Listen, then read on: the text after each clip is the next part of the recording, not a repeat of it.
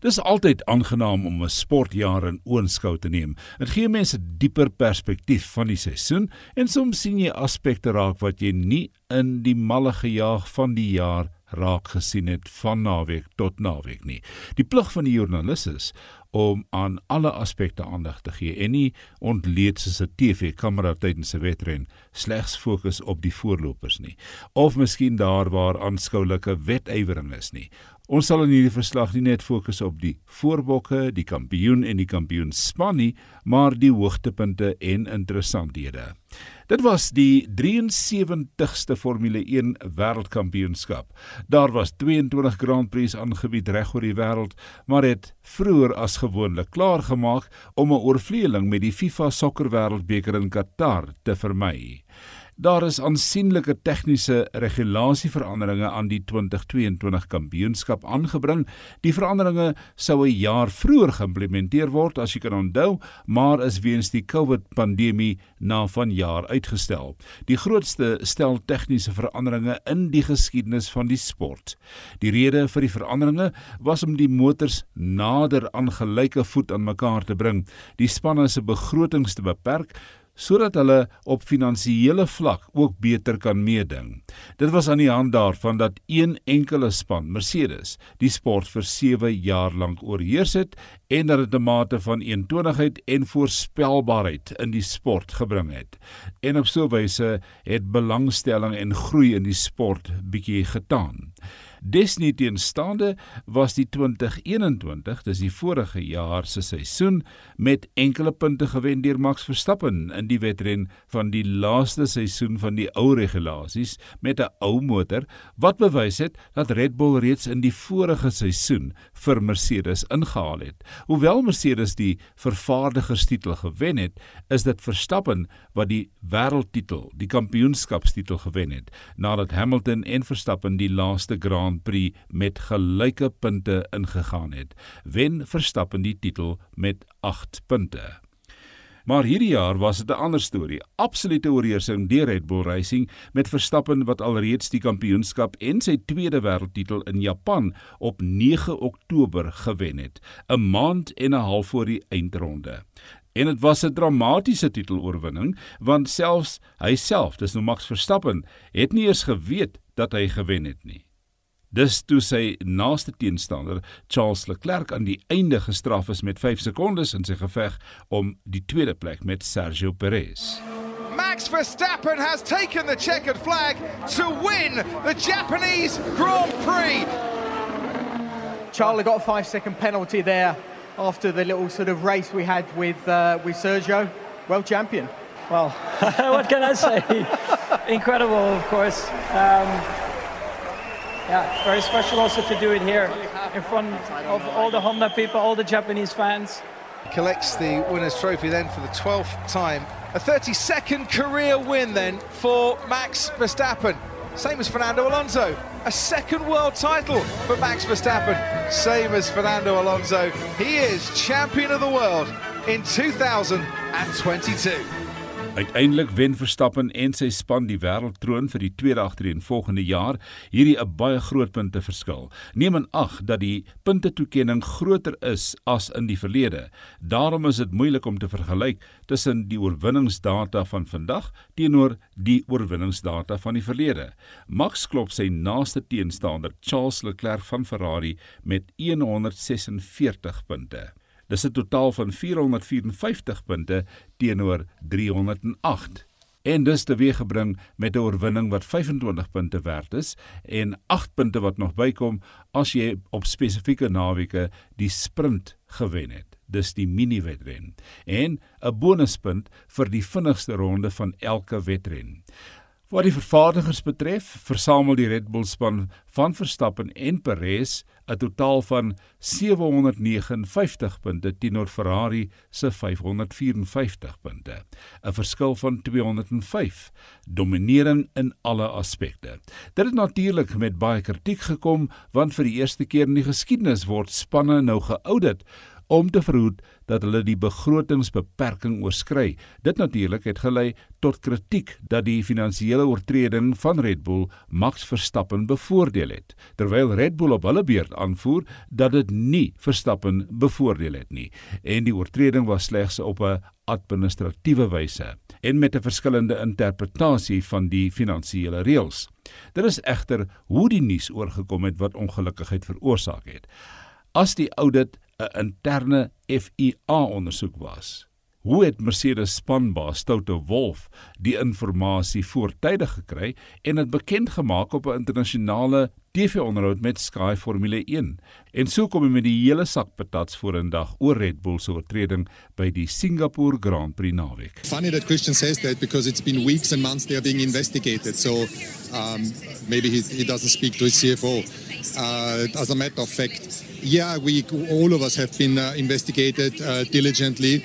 And as far as we understand, there's a team in minor breach, which is more procedural, and another team that is fundamental, massively over, and that is being still uh, looked after. So it's a, that's an open secret in the paddock. But the crucial part is that uh, if you've been over in 21, then you've been over in 22. That means you have an advantage into 23. If it's true that they've homologated a lightweight chassis this year, they may use it in next year. So it's a really a cascade of events that can be influential in all of the three championships. So dis die manier hoe die storie in die publiek se ore gekom het en daar is aangevoer dat dit 'n oop geheim is in die kuipe. Maar die vraag is, as dit intern by die FIA behoort, wie het die storie geklik? En voort, is daar 'n verklikker binne die personeel van die FIA? Die vingers het onmiddellik gedraai na Shaila Ann Rao, 'n vertroueling van Toto Wolff en voormalige Mercedes regsadviseur wat tydelik gepromoveer is na die FIA en sy was in beheer van die gevraagde auditproses. Shaila Ann is intussen onseremonieel van haar pligte by die FIA onthef na hierdie seisoenseinde met die ondersteunende nuus dat haar projek by die FIA voltooi is. Red Bull en die FIA kom ooreen met 'n onderhandelingsooreenkoms wat Red Bull verhoed om die saak na die arbitrasiehof te neem en so 'n saak bygelê. Nou kyk ons bietjie verder. Die impak van die jongste Formule 1 regulasieveranderinge het volgens bewyse gelei na 'n meer kompeterende seisoen. Wetrenregulasies het tekens getoon dat die wetrenne veel groter is as in die verlede. Mense was bevange tot aan die einde met die meeste wetrenne en enigiets kon die uitslag van wetrenne verander. Met ander woorde, daar was 'n mate van onvoorspelbaarheid dwars deur die seisoen van wetren tot wetren. Mercedes en Ferrari was die groot verloders van die 2022 seisoen. Verloders omdat daar so baie verwagtinge was van die twee spanne. Mercedes se sewe agtereenvolgende kampioenskapsjare is die een groot faktor, so daar was verwagtinge. En dan Ferrari wat met 'n ongelooflike nuwe wenmotor, die F175 vorendag gekom het. Maar hulle het van die begin af agteruitgeboer en uh, daar was betroubaarheidsprobleme met die motor en dan was daar ook skokkende strategiebesluite deur die Ferrari span tydens Grand Prix. Ferrari het die jaar begin vol hoop en oortuiging dat hierdie jaar hulle jaar sal wees. Hulle het 'n aggressiewe motor ontwerp deur die Suid-Afrikaanse ingenieur Rory Byrne wat Michael Schumacher se suksesvolle motor gebou het. Maar hulle drome lê aan skerwe. Die span het veral geval met strategie. Die eienaardigste kuipe besluite by tye en van ons luisteraars sal saamstem. Hulle was geskok in die besluite wat Ferrari geneem het. Renia's foute het hulle erg geknou en dan was die motor se betroubaarheid ook 'n kwessie. Maar die motor was nog steeds 'n kampioenmotor. Hulle kon die titel gewen het met hierdie motor. Dit was 'n moontlikheid. Maar so erg het dit gegaan by Ferrari dat spanbaas Matteo Binotto besluit het om te bedank. Sy laaste werksdag is 31 Desember vanjaar. Red Bull het weer eens soos in die verlede van jaar bewys dat 'n wedren van uit die kuipe gewen kan word met goeie strategie, noukeurige dataverwerking en splitsekonde besluite.